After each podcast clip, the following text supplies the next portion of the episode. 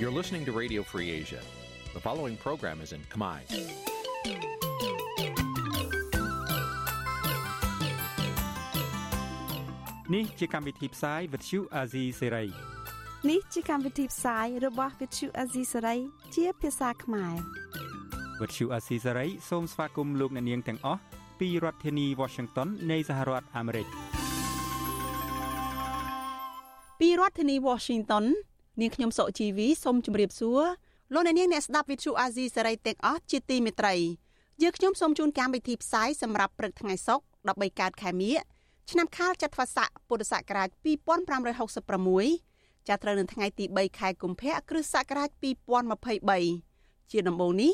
សូមអញ្ជើញលោកអ្នកនាងស្ដាប់ព័ត៌មានប្រចាំថ្ងៃដែលមានមេតិការដូចតទៅ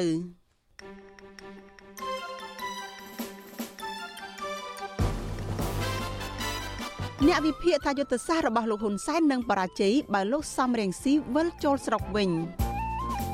កម្ពុជាបន្តជាប់ឈ្មោះជាប្រទេសមានរបបដឹកនាំបែបផ្ដាច់ការនៅក្នុងសន្ទុះប្រជាធិបតេយ្យឆ្នាំ2022អ្នកខ្លាំមើលមិនរំពឹងថាស្ថានភាពអក្រិតកម្មជួញដូរមនុស្សនៅកម្ពុជា មានភាពធូរស្រាលទេ សហជីពថាការផ្ដល់ពានរង្វាន់ដល់កញ្ញាឈឹមស៊ីធជាការលើកទឹកចិត្តតស៊ូពួកគេ រួមនឹងព័ត៌មានសំខាន់សំខាន់មួយចំនួនទៀតចាជាបន្តទៅទៀតនេះនាងខ្ញុំសុជីវីសូមជូនព័ត៌មានទាំងនេះពិស្ដាលោកអ្នកនាងជាទីមេត្រី ស្របពេលដែលការបោះឆ្នោតជាតិកាន់តែខិតជិតមកដល់លោកនាយករដ្ឋមន្ត្រីហ៊ុនសែនកាន់តែតាំងខ្លួនធ្វើជាចិត្តល្អដែរដោយលោកប្រកាសឲ្យអ្នកគាំទ្រនិងសកម្មជនគណបកប្រឆាំងដែលកំពុងភៀសខ្លួននៅក្រៅប្រទេស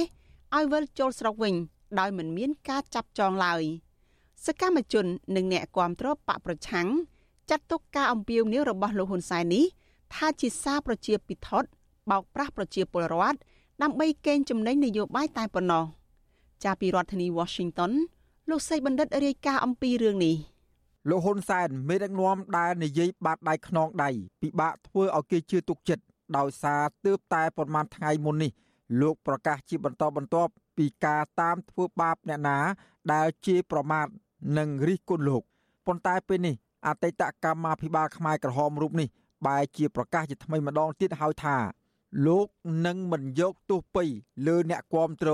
និងសកម្មជនគណបកប្រឆាំងដែលកំពុងរស់នៅនិងភៀសខ្លួននៅក្រៅប្រទេស ហើយចង់ត្រឡប់មកកម្ពុជាវិញនោះឡើយ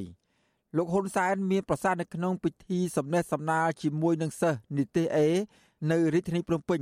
នៅព្រឹកថ្ងៃទី2ខែកុម្ភៈ ថាប្រសិនបើអ្នកគាំទ្រ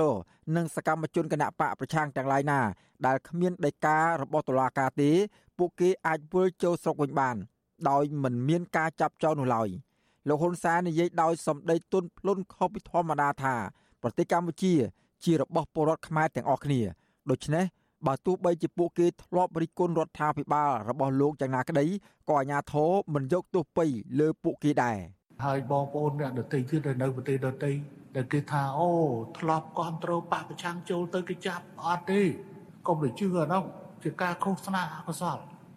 អ្នកមានដីកាចាប់ខ្លួនគេប្រកាសដីកាថាហើយហើយយើងអត់មានដីកាអីគេមានតីមកមកស្រុករបស់យើងតាហើយមានប៉ាសពតមួយចំនួនត្រូវប្រើអស់មួយជីវិតនោះប៉ាសពតមួយត្រូវយើងដាក់គេហៅថាវីសា ទឹកតកាចន្ទ្រៃចេញចូលចន្ទ្រៃដូចជាការសម្រួលមួយអានេះជាការដោះស្រាយបញ្ហាសម្រាប់ជាតិសាសន៍របស់យើងឲ្យមានការរួមរួមគ្នាទោះយ៉ាងណាការអំពាវនាវរបស់លោកហ៊ុនសែននេះហាក់មិនចេញពីចិត្តទេអ្នកគាំទ្រនិងសកម្មជនគណៈបកប្រឆាំងយល់ថានេះគ្រាន់តែជាសារនយោបាយប្រជាពិធដ្ឋដើម្បីបំបែកអ្នកគាំទ្រពីលោកសំរាស៊ីឬអូសទាញអ្នកគាំទ្រគណៈបកប្រឆាំងឲ្យងាកមករួមរស់ជាមួយនឹងគណៈបកកណ្ដាលអំណាចតែប៉ុណ្ណោះ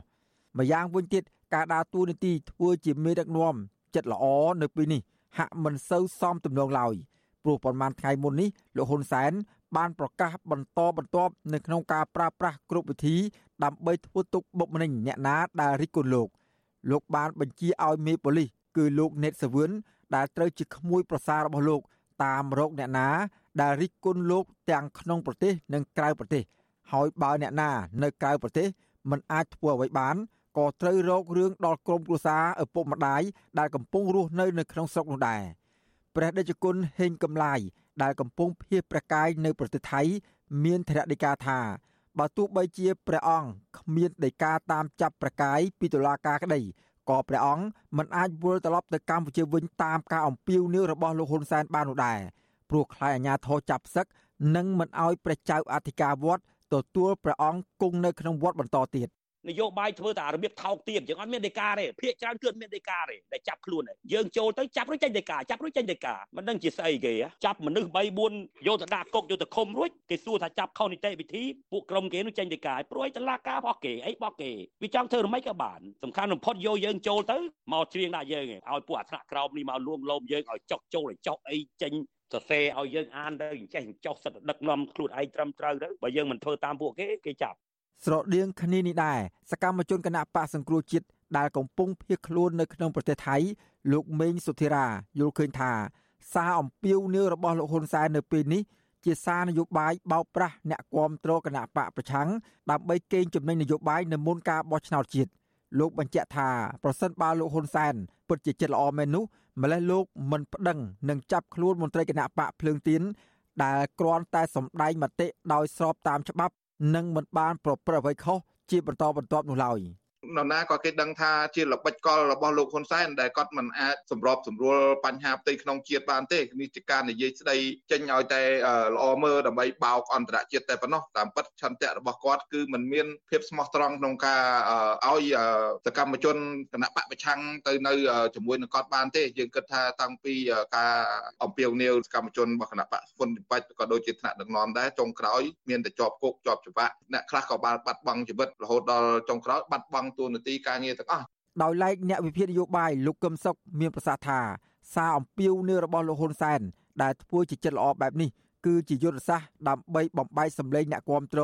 និងសកម្មជនគណៈបកប្រឆាំងចេញពីលោកសំរងស៊ីដើម្បីកេងចំណេញផ្នែកនយោបាយ។ គាត់មិនដែលចិត្តល្អជាមួយអ្នកដែលមាននិន្នាការប្រជាធិបតេយ្យទេពីព្រោះប្រជាធិបតេយ្យគឺជាសត្រូវនៃអំណាចរបស់គ្រួសារគាត់ដូច្នេះលបែងរបស់គាត់នៅពេលនេះគឺឌឺដងទៅក្រុមអ្នកប្រឆាំងហើយដែលធ្ងន់ធ្ងរនឹងជាយុទ្ធវិធីអចិន្ត្រៃយ៍ក្នុងការកំទេចអ្នកប្រឆាំងតែម្ដងពុំមានអ្វីក្រៅតែពីលួងលោមអ្នកប្រឆាំងទាំងឡាយណាដែលគាត់យល់ថាអាចលួងលោមបានឲ្យចូលធ្លុំនយោបាយរបស់គាត់ដើម្បីបន្តបំបែកកម្លាំងនយោបាយដែលមាននិន្នាការប្រជាធិបតេយ្យ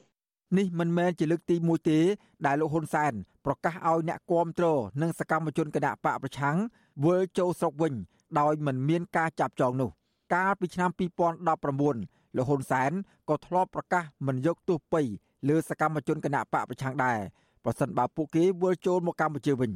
ក៏ប៉ុន្តែសកម្មជនគណៈបកប្រឆាំងជាច្រើនអ្នកផ្សេងទៀតត្រូវបានអាជ្ញាធរគណៈបកកណ្ដាលអំណាច ចាប់ខ្លួនក្រោយពេលពួកគេទៅដល់កម្ពុជា បានមួយរយៈ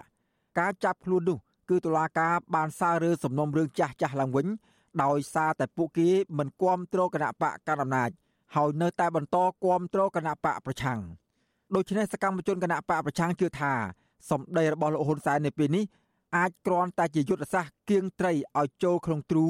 ដើម្បីលោកចាប់កាច់កតាមចិត្តខឹងរបស់លោកតែប៉ុណ្ណោះ ពួកគាត់បន្តទៀតថាបើសិនលោកហ៊ុនសែនមានចិត្តមេត្តាពិតមែននោះលោកគួរតែស្ដារប្រជាធិបតេយ្យនិងគោរពសិទ្ធិមនុស្សនៅក្នុងប្រទេសហើយដោះលែងអ្នកដែលជាប់ឃុំដោយសាររឿងនយោបាយនិងការបញ្ចេញមតិពីពន្ធនាគារឲ្យមានសេរីភាពឡើងវិញទាំងអស់បច្ចុប្បន្នមានសកម្មជនគណៈបកនយោបាយសកម្មជនសង្គមអ្នកសារព័ត៌មានមេដឹកនាំសហជីពប្រមាណ60នាក់កំពុងជាប់ឃុំនៅក្នុងពន្ធនាគារ ហើយភ ieck ច្រើនពួកគេត្រូវបានតុលាការចោទប្រកាន់ពីបទញុះញង់និងរួមគំនិតក្បត់ប៉ុន្តែក៏ឡងមកអង្គការសង្គមស៊ីវិលជាតិនិងអន្តរជាតិព្រមទាំងប្រទេសសេរីមួយចំនួន បានចាត់ទុកការចាប់ខ្លួននេះថាជាការធ្វើទុកបុកម្នេញផ្នែកនយោបាយច្រើនជាងការអនុវត្តច្បាប់និងស្នើសុំឲ្យតុលាការដោះលែងពួកគេឲ្យមានសេរីភាពឡើងវិញដោយឥតលក្ខខណ្ឌខ្ញុំបាទសេកបណ្ឌិតវិទ្យុអាស៊ីសេរីពីរដ្ឋធានីវ៉ាស៊ីនតោន ចលនានាងជាទីមេត្រីតកតនឹងយុទ្ធសាស្ត្ររបស់លោកហ៊ុនសែននេះដែរអ្នកវិភាគនយោបាយថាយុទ្ធសាស្ត្របំបែកបំបាក់បកប្រឆាំងរបស់លោកយមត្រីហ៊ុនសែននឹងបរាជ័យប្រសិនបើលោកសំរងស៊ីនិងមន្ត្រីជាន់ខ្ពស់គណៈបកសង្គ្រោះជាតិវិលត្រឡប់មកកម្ពុជាវិញទាំងក្រុមនៅក្នុងអំឡុងពេលដែលកម្ពុជារៀបចំព្រឹត្តិការណ៍ SEA Games នៅមុនការបោះឆ្នោតជាតិខែកក្កដាខាងមុខនេះការលើកឡើងនេះធ្វើឡើងស្របពេលដែលលោកហ៊ុនសែនបន្តអំពាវនាវជាថ្មីម្ដងទៀត ឲ្យក្រុមអ្នករិះគន់នៅក្រៅប្រទេសវិលចូលស្រុកវិញចាលោកអ្នកនាងនឹងបានស្ដាប់បទសម្ភាសន៍រវាងលោកមានរិទ្ធនិងអ្នកវិភាគនយោបាយលោកបណ្ឌិតសេងសេរីជុំវិញរឿងរ៉ាវនេះនៅក្នុងការផ្សាយរបស់យើងនៅពេលបន្តិចទៀតនេះលោកអ្នកនាងជាទីមេត្រីលោកអ្នកកំពុងតែស្ដាប់ការផ្សាយរបស់វិទ្យុអាស៊ីសេរីផ្សាយចេញពីរដ្ឋធានី Washington សហរដ្ឋអាមេរិកចាកម្ពុជានៅតែបន្តជាប់ឈ្មោះជាប្រទេសមានរបបដឹកនាំតាមបែបផ្ដាច់ការ នេះបើយោងតាមសន្ទុះប្រជាធិបតេយ្យឆ្នាំ2022ទើបនឹងចេញផ្សាយដោយអង្គការស៊ើបអង្កេតសេដ្ឋកិច្ចដែលមានមូលដ្ឋាននៅចក្រភពអង់គ្លេសសម្រាប់ឆ្នាំ2022អង្គការនេះដាក់ចំណាត់ថ្នាក់កម្ពុជាជាប់លេខ121ក្នុងចំណោម167ប្រទេស និងដែនដីសរុបនៅលើសកលលោក កម្ពុជាទទួលបានជាង3ពិន្ទុដែលពិន្ទុ0មានន័យថាជាពិន្ទុទាបបំផុត ខាងអនុវត្តប្រជាធិបតេយ្យ និងពិន្ទុ10ជាពិន្ទុខ្ពស់បំផុតបើទោះជាពិន្ទុនៃការអនុវត្តលទ្ធិប្រជាធិបតេយ្យនៅកម្ពុជាកើនឡើងបន្តិចបន្តួចធៀបនឹងឆ្នាំ2021ក៏ដោយក៏ពិន្ទុនេះបង្ហាញថាកម្ពុជាមិនអាចរើខ្លួនរួចពីការដឹកនាំតាមបែបរបបផ្ដាច់ការនិយមបានទេចាប់តាំងពីឆ្នាំ2013មកពិន្ទុប្រជាធិបតេយ្យរបស់កម្ពុជាបានបន្តដាំក្បាលចុះគួរឲ្យកត់សម្គាល់ជាពិសេសនៅក្នុងឆ្នាំ2017 នៅពេលដែលរដ្ឋាភិបាលលោកយមត្រីហ៊ុនសែនបើកយុទ្ធនាការគាស់រំលើងប្រជាធិបតេយ្យតាមរយៈការរំលាយគណៈបកប្រឆាំងធំជាងគេគឺគណៈបកសង្គ្រោះជាតិនៅមុនការបោះឆ្នោតជាតិជ្រើសតាំងតំណាងរាស្ត្រអាណត្តិទី6ពិន្ទុនេះឆ្លុះបញ្ចាំងឲ្យឃើញថា កម្ពុជាមិនជាប់ឈ្មោះសំបីតែជាចម្ពោះប្រទេសមានលទ្ធិប្រជាធិបតេយ្យមិនពេញលេញឬប្រជាធិបតេយ្យបែបកូនកាត់នោះឡើយក៏ប៉ុន្តែ កម្ពុជាត្រូវបានចាត់ចូលជាប្រទេសដែលគ្រប់គ្រងតាមបែបផ្ដាច់ការបើតាមអង្គភាពស៊ើបអង្កេតពិសេសឬហៅកាត់ថា EIU ក្នុងឆ្នាំ2022អាជ្ញាធរកម្ពុជា បានលើកបំរាមកូវីដ -19 ទាំងស្រុងក៏ប៉ុន្តែក្នុងពេលជាមួយគ្នានោះអាជ្ញាធរកម្ពុជាបានបន្តរដ្ឋបិទសិទ្ធិសេរីភាពពលរដ្ឋសេរីភាពនៃការបញ្ចេញមតិការប្រមូលផ្ដុំនិងការជួបប្រជុំដោយសន្តិវិធីអង្គភាពដដែលនេះ រកឃើញថាអាជ្ញាធរកម្ពុជា បានដាក់ចេញនៅការរដ្ឋបិទយ៉ាងធ្ងន់ធ្ងរលើប្រព័ន្ធផ្សព្វផ្សាយក្នុងស្រុក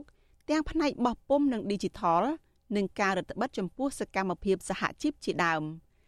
អង្គភាព EIU គូបញ្ជាក់ថា មានសញ្ញាណតិចតួចដែលថាស្ថានភាពបែបនេះនឹងត្រូវបានកែលម្អនាពេលឆាប់ៗនេះដោយសារតែគណៈបកប្រជាជនកម្ពុជា បន្តដឹកនាំទស្សនវិជ្ជានយោបាយនៅកម្ពុជា ក្រោយពីការរំលាយគណៈបកប្រឆាំងធំជាងគេ កាលពីឆ្នាំ2017កន្លងទៅក្នុងតំបន់តៃវ៉ាន់ជាប់ចំណាត់ថ្នាក់ក្នុងចំណោមដែនដីនិងប្រទេស10នៅលើពិភពលោក ដែលមានលទ្ធិប្រជាធិបតេយ្យខ្ពស់ជាងគេ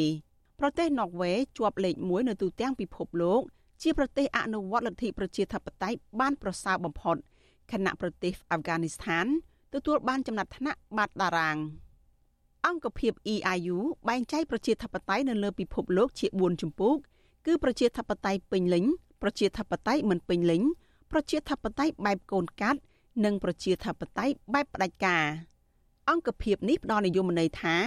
រដ្ឋដែលគ្រប់គ្រងតាមបែបផ្ដាច់ការគឺពុំមានការអនុវត្តប្រព័ន្ធសេរីពហុបកនយោបាយនោះទេ ហើយប្រព័ន្ធនេះរងការរឹតបន្តឹងខ្លាំងរីឯការបោះឆ្នោតមិនធ្វើឡើងដោយសេរីនិងត្រឹមត្រូវនោះទេ គ្មានការគោរពនិងរំលោភនៅសិទ្ធិសេរីភាពជាមូលដ្ឋានរបស់ពលរដ្ឋចំណែកឯប្រព័ន្ធផ្សព្វផ្សាយជាទូទៅគឺជារបស់រដ្ឋឬគ្រប់គ្រងដោយក្រុមដែលមានជាប់តាក់ទងទៅនឹងរបបដឹកនាំប្រទេសក្រៅពីនេះមានការគៀបសង្កត់ទៅលើការរិះគន់រដ្ឋអំណាចនិងមានការរដ្ឋបិទព័ត៌មានជាខ្លាំងខណៈពុំមានប្រព័ន្ធយុត្តិធម៌ឯករាជ្យនោះឡើយ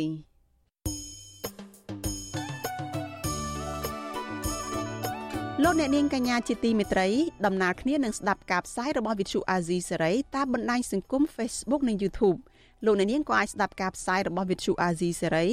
តាមរយៈរលកធាតុអាកាសខ្លីឬ Shortwave តាមកម្រិតនិងកម្ពស់ដូចតទៅនេះពេលព្រឹកចាប់ពីម៉ោង5កន្លះដល់ម៉ោង6កន្លះតាមរយៈ post SW 9.39 MHz ស្មើនឹងកម្ពស់ 32m និង post SW 11.85 MHz ស្មើនឹងកម្ពស់ 25m ពេលយប់ចាប់ពីម៉ោង7កន្លះដល់ម៉ោង8កន្លះតាមរយៈ post SW 9.39 MHz ស្មើនឹងកម្ពស់ 32m ប៉ុស SW 11.88 MHz ស្មើនឹងកម្ពស់ 25m និងប៉ុស SW 15.5 MHz ស្មើនឹងកម្ពស់ 20m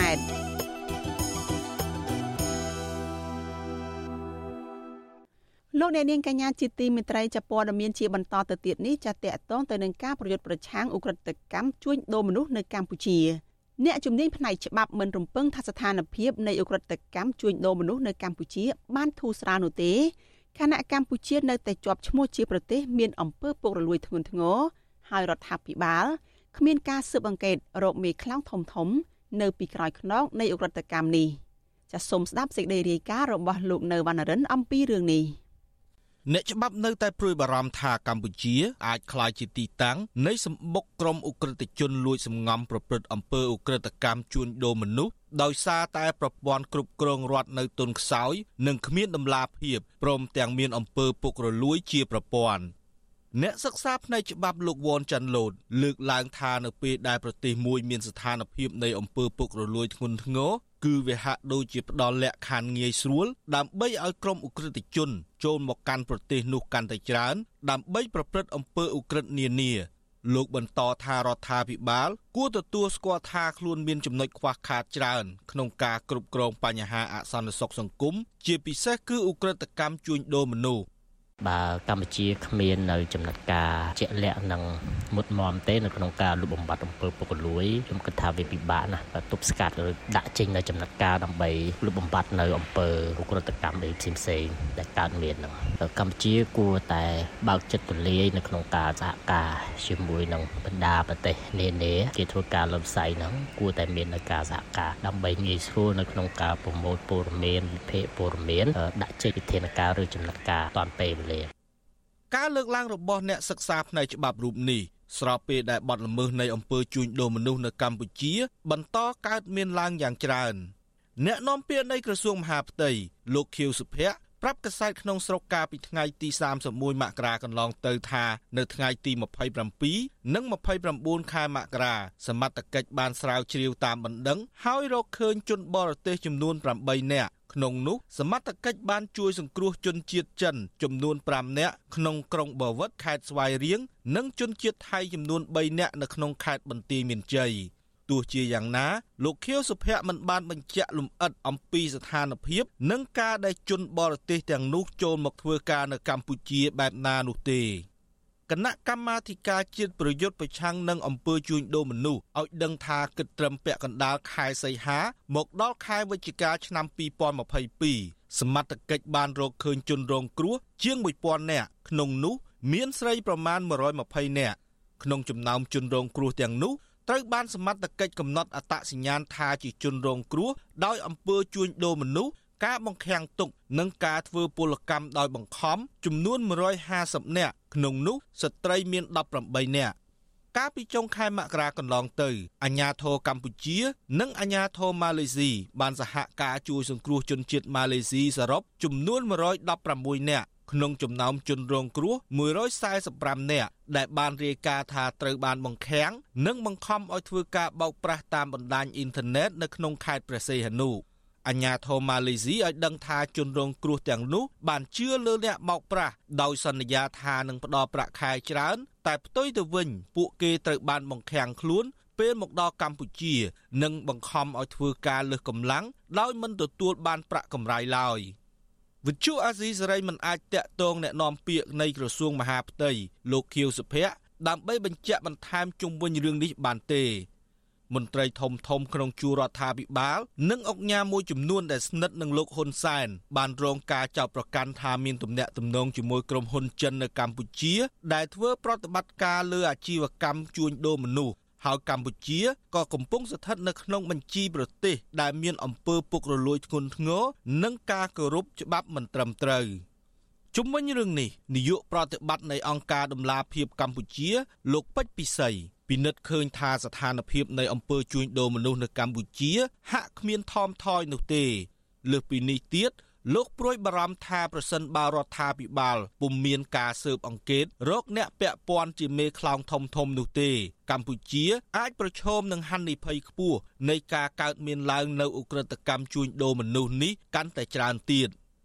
ហើយបាកម្ពុជាត្រូវតែវត្តច្បាប់ដែលមានពិសេសអ្នកដែល សង្ស័យថាមានការជាប់ពាក់ព័ន្ធទៅនឹងការជួញដូរមនុស្សហ្នឹងគឺយើងត្រូវធ្វើការស៊ើបអង្កេតជាប្រព័ន្ធស្វែងរកអ្នកដែលពាក់ព័ន្ធហើយធ្វើការដាក់ទោសទណ្ឌទៅតាមច្បាប់ដែលយើងមានចូលមានកម្ពុជាយើងពិបាកនៅក្នុងការបដិសេធករណីឬក៏ស្ថានភាពពាក់ព័ន្ធទៅនឹងការជួញដូរមនុស្សដោយសារការជួញដូរមនុស្សនៅកម្ពុជានេះមានការពាក់ព័ន្ធបទឧក្រិដ្ឋនៅថ្នាក់តំបន់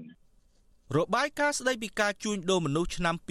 2022របស់ក្រសួងការបរទេសអាមេរិកដែលចេញផ្សាយកាលពីខែកក្កដាកន្លងទៅ បានទម្លាក់ចំណាត់ថ្នាក់កម្ពុជា មកកម្រិតទី3ដែលមានន័យថាស្ថានភាពនៃអំពើជួញដូរមនុស្សនៅកម្ពុជា មានលក្ខណៈអាក្រក់បំផុត និងពុំដែលធ្លាប់មាន ចាប់តាំងពីឆ្នាំ2015មក អាមេរិកក៏រកឃើញថាកម្ពុជាដើរថយក្រោយក្នុងការលុបបំបាត់ការជួញដូរមនុស្សដោយសារតែអំពើពុករលួយជាប្រព័ន្ធដែលបានរារាំងដល់ការអនុវត្តច្បាប់លើក្រុមអ ுக ្រិតជន ដែលប្រព្រឹត្តអំពើជួញដូរមនុស្សនៅក្នុងប្រទេសនេះខ្ញុំបាទនៅវណ្ណរិន With Chu Azizi Saray ពីរដ្ឋធានី Washington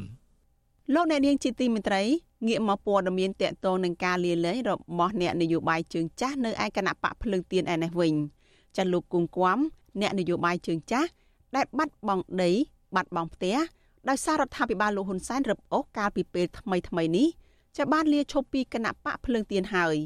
លោកគង់គួមបានដាក់លិខិតស្នើសុំលាលែងពីគណៈបកដោយលោកអះអាងថាដោយសារតែលោកនាយរដ្ឋមន្ត្រីហ៊ុនសែនឈប់ប្តឹងរូបលោក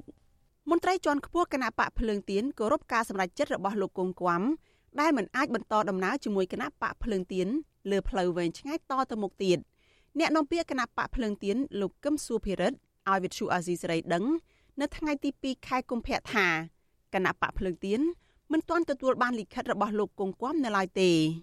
លោកកឹមសុភិរិទ្ធយល់ថាលោកគង់គួមទំនងជាមានផលលំបាកផ្ទាល់ខ្លួនទើបសម្រេចចិត្តដូច្នេះតែទោះជាបែបនេះក្តីលោកអរគុណលោកគង់គួមដែលបានលះបង់កម្លាំងកាយចិត្តជាមួយគណៈបកភ្លើងទៀនតាំងពីដើមរហូតមកដល់ពេលនេះ។ វាជាសិទ្ធិនយោបាយរបស់បុគ្គលទីហោតែខ្ញុំអញ្ចឹងខ្ញុំចង់អ៊ុំលាលែងក៏គេមិនហាមឃាត់ពីដែរឬក៏ជួនកាលយើងមានបញ្ហាផ្ទាល់ខ្លួនជួនកាលយើងមានបញ្ហាសុខភាពដូចដូចយពូគង្គគំគាត់ឆាក់មានបញ្ហាសុខភាពអញ្ចឹងគាត់ទៅណាដងដងកូនទៅតាមថែតាមអីហើយវាលែងរបស់គាត់យើងអត់មានអីទៅជំទាស់សិទ្ធិនយោបាយរបស់គាត់ទេមានតែអឺអរគុណ អរគុណដែលគាត់បានធ្លាប់ចូលបំរើនិងចូលជួយគណៈបកដែលជួយកម្មភាពចូលក្នុងលទ្ធិជាតិតៃការបញ្ជាក់ជំហររបស់មន្ត្រីគណៈបកភ្លើងទៀនបែបនេះក្រោយពេលដែលឧត្តមទីប្រឹក្សាគណៈបកភ្លើងទៀនលោកគង់គួមសរសេរលិខិតមួយច្បាប់កាលពីថ្ងៃទី31ខែមករាស្នើសុំបញ្ចប់ជីវភាពនយោបាយពីគណៈបកភ្លើងទៀនត្រូវបានចុះផ្សាយដោយប្រព័ន្ធឃោសនារបស់លោកហ៊ុនសែន Fresh News នៅថ្ងៃទី2ខែកុម្ភៈ លោកគង់គួមក៏អរគុណលោកនាយរដ្ឋមន្ត្រីហ៊ុនសែនដែលមិនបន្តប្តឹងរូបលោកតទៅទៀតទោះបែបនេះក្តីលោកគង់គំក៏បង្ហាញនៃការសោកស្ដាយនៃការសម្រេចចិត្តទាំងបង្ខំរបស់លោក និងភរិយាដែលបានប្រគល់ដីនឹងផ្ទះទំហំជាង5000ម៉ែត្រក្រឡានៅកណ្ដាលទីក្រុងភ្នំពេញជូនរដ្ឋាភិបាលកាលពីពេលថ្មីថ្មីនេះតកតងនឹងគោលជំហររបស់លោកគង់គំនៅពេលនេះវិទ្យុអាស៊ីសេរីមិនអាចសុំការបញ្ជាក់បន្ថែមពីលោកគង់គំបានទេនៅថ្ងៃទី2ខែកុម្ភៈ ចំណែកកូនប្រុសរបស់លោកគង់គំគឺលោកគង់មុនីកាឲ្យវិទ្យុអាស៊ីសេរីដឹងតាមប្រព័ន្ធ Telegram យ៉ាងខ្លីថាលិខិតដែលត្រូវបានផ្សព្វផ្សាយនោះជាលិខិតពិតរបស់ឪពុករបស់លោកតកតងការសម្រេចចិត្តរបស់លោកគង់គំនេះដែរអ្នកនាំពាក្យគណៈបកប្រជាជនកម្ពុជាលោកឈឹមផលវរុនយល់ថាការសម្រេចចិត្តដោយបុគ្គលរបស់លោកគង់គំគឺគ្មាននរណាបង្ខិតបង្ខំនោះទេអ្នកនាំពាក្យគណៈបកកណ្ដាលអំណាចរូបនេះលើកឡើងទៀតថាបើទោះបីជាលោកគង់គំឈប់ពីគណៈបកភ្លឹងទៀន ក៏មិនបានផលចំណេញអ្វីដល់គណៈបកប្រជាជនកម្ពុជាឡើយទំនាក់ទំនងក្នុងភាពជាមនុស្សដែលមានការប្រស័យតាក់ទងគ្នាជាមួយនឹងគុណធម៌ទៅវិញទៅមកអានោះជារឿងធម្មតាទេហើយរឿងគាត់ឈប់ធ្វើនយោបាយចូលនិវត្តន៍ក៏ជាការសម្រេចចិត្តរបស់បុគ្គលលោកគង់គំទើបតែបាត់បង់ដីនឹងផ្ទះតម្លៃរាប់លានដុល្លារកាលពីថ្ងៃទី12ខែមករាក្រោយពេលរដ្ឋាភិបាលបានប្រើប្រាស់ស្ទើរគ្រប់មធ្យោបាយដើម្បីរឹបអូសយក លោកគង់គំក៏កំពុងជាប់បណ្ដឹងមួយទៀតរបស់គណៈបកប្រជាជនកម្ពុជាប្រចាំខេត្តត្បូងឃ្មុំដែរគណៈបកនេះចោទប្រកាន់ថាការនិយាយរបស់លោកគង់គំពីដើមកំណើតរបស់គណៈបកប្រជាជនកម្ពុជាថាជាប់ពាក់ព័ន្ធនឹងវៀតណាមគឺជាចេតនានៅក្នុងគោលបំណងទុច្ចរិតញុះញង់បង្កឲ្យមានភាពវឹកវរចលាចលអសន្តិសុខសង្គមអ្នកវិភាគនយោបាយលោកកឹមសុខយល់ថាការសម្រេចចិត្តរបស់លោកគង់គំនៅពេលនេះទំនងអ្នកនយោបាយជើងចាស់រូបនេះ រងការគំរាមកំហែងធ្ងន់ធ្ងរពីរដ្ឋាភិបាលលោកហ៊ុនសែនអ្នកវិភាគនយោបាយរូបនេះបន្តទៀតថាទោះលោកគង់គំចាក់ចេញពីគណៈបកភ្លើងទៀនក្តីតែมันប៉ះពាល់ផ្លូវចិត្តអ្នកគាំទ្រគណៈបកភ្លើងទៀនទេទោះបីជាករណីលោកគង់គំនេះអាចធ្វើឲ្យមេដឹកនាំគណៈបកភ្លើងទៀនមួយចំនួន មានការព្រួយបារម្ភក្នុងការធ្វើសកម្មភាពនយោបាយរបស់ខ្លួនក្តី មែនតើទៅវាមិនមែនត្រឹមតែជារឿងបាត់ទ្រព្យសម្បត្តិប៉ុណ្ណឹងទេ យើងពិនិត្យពិចារណាដល់កម្រិតលោកគុំគំមិននិយាយអ្វីច្រើនផងហើយ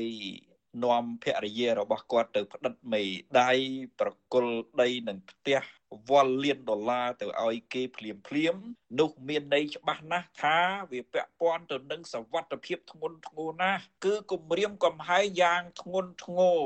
ដល់សវត្ថភាពមិនត្រឹមតែជីវិតរបស់លោកកុងគួមទេប៉ុន្តែយើងពិបាកបរិយាយណាថាធ្ងន់ធ្ងរនោះកម្រិតណាទៅធ្វើឲ្យលោកគង់គំសម្រេចប្រកាសលាឈប់នឹងចាប់តាំងពីគណៈបកភ្លើងទៀនវិលចូលឆាកនយោបាយសាជាថ្មីកាលពីឆ្នាំ2022 អ្នកគាំទ្រនិងសកម្មជនគណៈបកនេះត្រូវតុលាការនៃរដ្ឋាភិបាលលោកហ៊ុនសែនចោទប្រកាន់និងចាប់ខ្លួនជាបន្តបន្ទាប់ហើយចុងក្រោយនេះថ្នាក់ដឹកនាំគណៈបកនេះក៏ជាប់បណ្ដឹងនៅតុលាការនិងកំពុងជាប់ឃុំនៅពន្ធនាគារផងដែរក្រុមអ្នកខ្លាំមើលសង្គមបារម្ភថាបើគណៈបកភ្លើងទៀននៅតែរងការធ្វើទុកបុកម្នេញបែបនេះតទៅទៀតការបោះឆ្នោតជាតិនៅខែកក្កដាខាងមុខនេះមិនអាចប្រព្រឹត្តទៅដោយភាពសេរីត្រឹមត្រូវនិងយុត្តិធម៌ឡើយ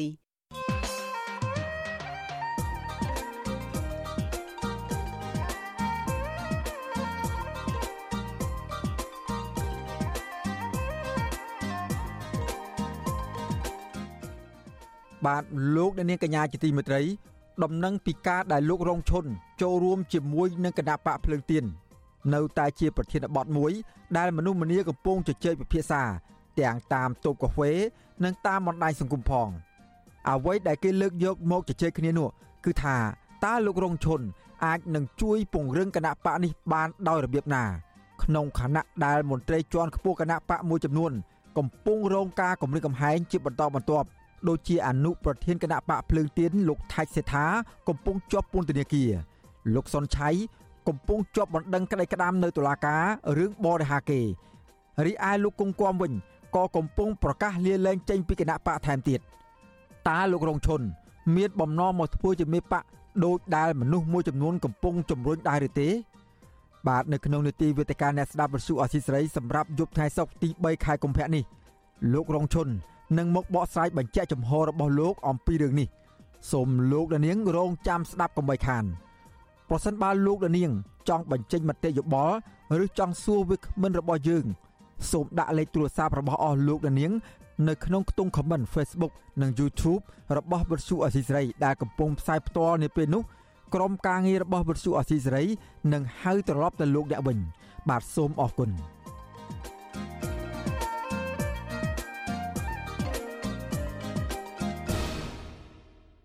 លោកអ្នកនាងជាទីមេត្រីព័ត៌មានដាច់ដោយឡែកមួយទៀតចាក្រសួងការបរទេសអាមេរិកបានផ្តល់ពានរង្វាន់ការពារសិទ្ធិមនុស្សឆ្នាំ2022ដល់មេដឹកនាំសហជីព Nagavel កញ្ញាឈឹមស៊ីធសមាជិកសហជីព Nagavel និងមន្ត្រីអង្គការសង្គមស៊ីវិលយល់ឃើញថាពានរង្វាន់នេះគឺជាសក្ខីកម្មនិងជាការលើកទឹកចិត្តបន្ថែមដល់ការតស៊ូមតិរបស់ក្រមសហជីពដើម្បីលើកកម្ពស់សិទ្ធិជាសកលពីរដ្ឋធានី Washington អ្នកស្រីម៉ៅសុធានី មានសេចក្តីរាយការណ៍អំពីព័ត៌មាននេះទោះបីជារដ្ឋាភិបាលកម្ពុជាគម្រាមកំហែងទៅលើសមាជិកសហជីព Nagavel ក្តីក៏ប៉ុន្តែបណ្ដាប្រទេសនាំមុខលទ្ធិប្រជាធិបតេយ្យនិងស្ថាប័នអន្តរជាតិនៅតែផ្ដល់តម្លៃដល់ការតស៊ូដើម្បីលើកកម្ពស់សិទ្ធិការងាររបស់ក្រុមគឧតកោ Nagavel ក្រសួងការបរទេសអាមេរិកកាលពីថ្ងៃទី1ខែកុម្ភៈ បានប្រកាសផ្តល់ពានរង្វាន់ដល់អ្នកការពារសិទ្ធិមនុស្សឆ្នាំ2022ដល់កញ្ញាឈឹមស៊ីធក្នុងចំណោមអ្នកការពារសិទ្ធិមនុស្ស9អ្នកផ្សេងទៀតមកពីប្រទេសផ្សេងផ្សេងសរុប10ប្រទេសក្រសួងការបរទេសអាមេរិកបញ្ជាក់ថាម្ចាស់ពានរង្វាន់ឆ្នាំនេះបានបង្ហាញពីភាពជាអ្នកដឹកនាំនិងមានក្តីក្លាហានក្នុងការជំរុញកិច្ចការពារសិទ្ធិមនុស្ស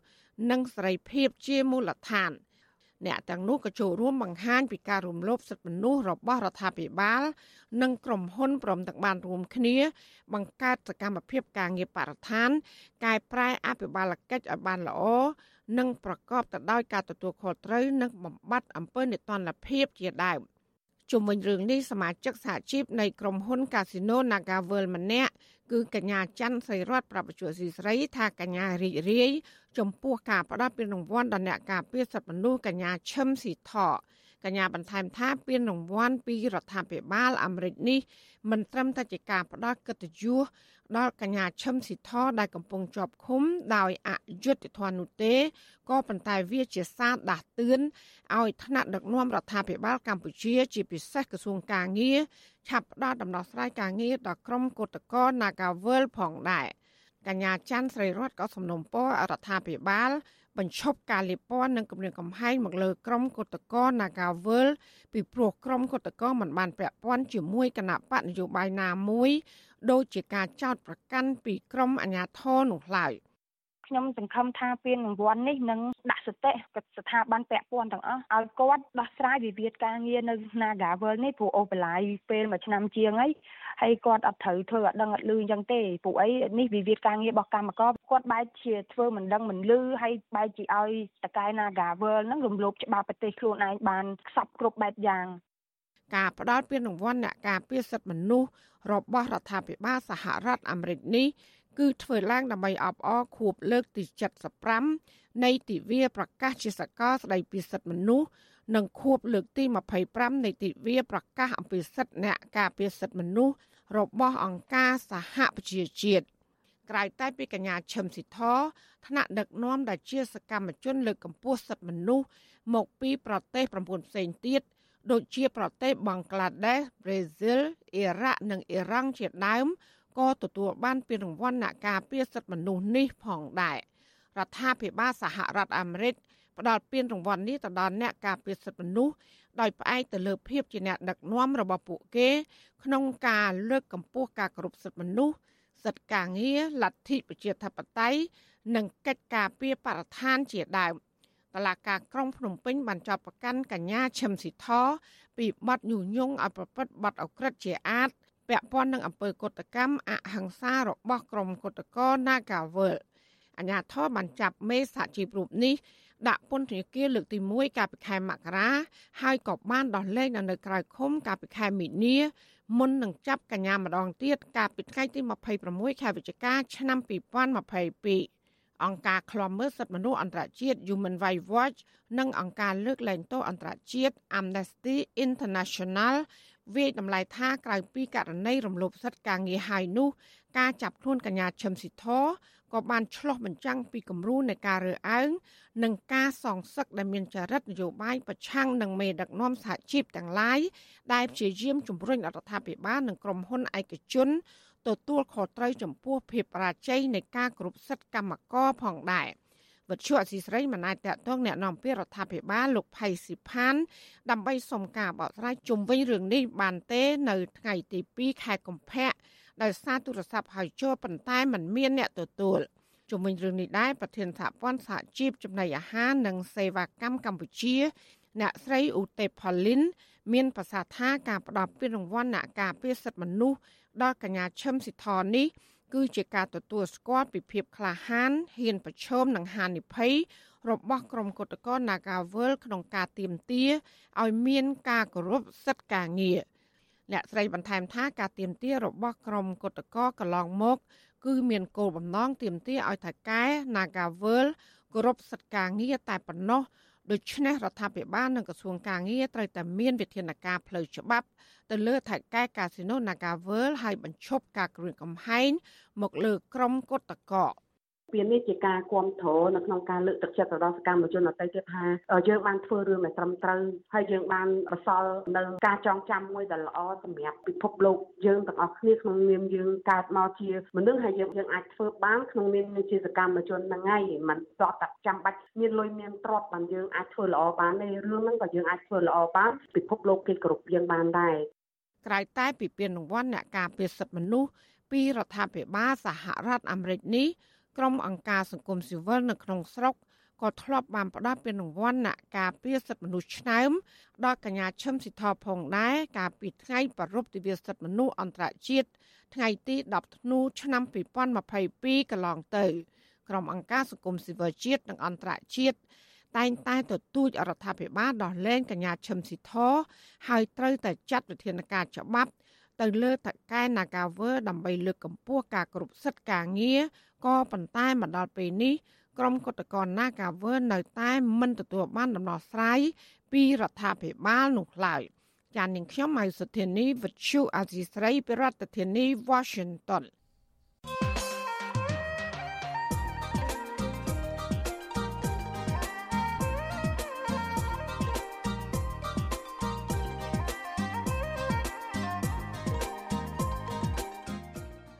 បាទលោកអ្នកនាងកញ្ញាជាទីមេត្រី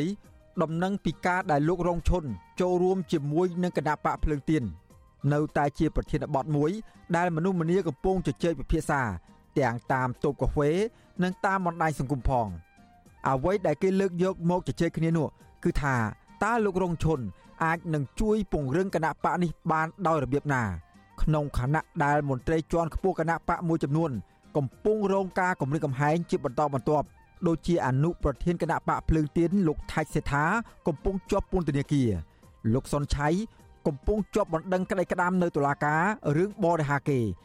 រីឯលោកគង់គំវិញក៏កំពុងប្រកាសលាលែងចេញពីគណៈបកថែមទៀតតើលោករងឈុនមានបំណងមកធ្វើជាមេបកដូចដែលមនុស្សមួយចំនួនកំពុងជំរុញដែរឬទេ បាទនៅក្នុងនីតិវេទិកាអ្នកស្ដាប់វិទ្យុអសីស្រីសម្រាប់យប់ថ្ងៃសុក្រទី3ខែកុម្ភៈនេះលោករងឈុន នឹងមកបកស្រាយបញ្ជាក់ចំហរបស់លោកអំពីរឿងនេះសូមលោកដានាងរងចាំស្ដាប់កុំបីខានប្រសិនបើលោកដានាង ចង់បញ្ចេញមតិយោបល់ឬចង់សួរវាគ្មិនរបស់យើង សូមដាក់លេខទូរស័ព្ទរបស់អស់លោកដានាង នៅក្នុងខ្ទង់ comment Facebook និង YouTube របស់វិទ្យុអសីសេរីដែលកំពុងផ្សាយផ្ទាល់នាពេលនេះក្រុមការងាររបស់វិទ្យុអសីសេរីនឹងហៅត្រឡប់ទៅលោកអ្នកវិញ បាទសូមអរគុណ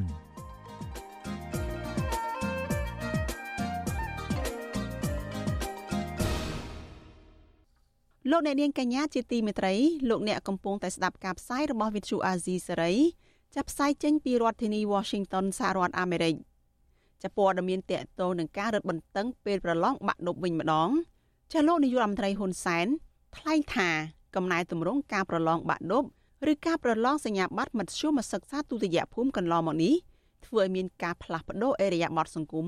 និងលុបបំបាត់វប្បធម៌អន្តរកម្មហើយកំពុងហុចផលល្អ ការថ្លែងរបស់លោកនេះធ្វើឡើងនៅក្នុងពិធីជួបសំណេះសំណាលនិងផ្ដល់ពានរង្វាន់លើកទឹកចិត្តដល់សិស្សនិទេស A ជាង1000នាក់កាលពីព្រឹកថ្ងៃទី2ខែកុម្ភៈនៅមជ្ឈមណ្ឌលពាណិជ្ជកម្មជ្រោយចង្វាចារីឯអង្គការសង្គមស៊ីវិលមើលឃើញថាទោះបីជាការធ្វើកែតម្រង់ការប្រឡងជិត10ឆ្នាំមកហើយតែសមត្ថភាពសិស្សនៅមានកម្រិតសូមស្ដាប់សេចក្តីរាយការណ៍របស់លោកសនច័ន្ទរដ្ឋាអំពីរឿងនេះលោកនាយរដ្ឋមន្ត្រីហ៊ុនសែនប្រកាសគាំទ្រការរំដឹងការប្រឡងបាក់ឌុប ឬក៏ប្រឡងសញ្ញាបត្រមធ្យមសិក្សាទុតិយភូមិកន្លងមកលោកហ៊ុនសែនថ្លែងចំពោះមូលនិស្សិតនៃ TA ថាការធ្វើកំណែតម្រង់ប្រឡងបាក់ឌុបរយៈពេល10ឆ្នាំមកនេះបានបញ្ចប់វប្បធម៌អន្តរាគមហើយប្រែក្លាយការប្រឡងបាក់ឌុបនេះទៅជាការប្រកួតប្រជែងនៃការអប់រំនិងការសិក្សារៀនសូត្រនៅតាមខេត្តនីមួយៗលោកហ៊ុនសែនបន្តថាការធ្វើកំណែតម្រង់នេះនឹងបន្តធ្វើជារៀងរហូតលើពីនេះលោកហ៊ុនសែនថាសិស្សទទួលបាននីតិអេបានបង្កើតឱកាសនិងកសាងកិត្តិយសជូនគ្រួសារនិងគ្រូបង្រៀន កត្តាសន្តិភាព គឺជារឿងមិនអាចមើលរំលងជោគជ័យណាក៏ដោយមិនត្រូវមើលរំលងអំពីកត្តាសន្តិភាពទេព្រោះការអប់រំក្តីកីឡាក្តីឬក៏ផ្នែកសិល្បៈក្តីផ្នែកណាក៏ដោយมันអាចរស់នៅជាមួយសង្គ្រាមទេ គឺវាអាចរស់នៅតែជាមួយសន្តិភាពតែប៉ុណ្ណោះកំណែតម្រង់វិសាអប់រំដែលរំបន្តឹងការប្រឡងសញ្ញាបត្រមធ្យមសិក្សាទុតិយភូមិឬបាក់ឌុប ធ្វើឡើងដំបូងនៅឆ្នាំ2014រហូតដល់ឆ្នាំ2022ប្រមាណជិត10ឆ្នាំមកហើយដើម្បីចម្រាញ់យកធនធានមានចំណេះដឹងពិតប្រាកដ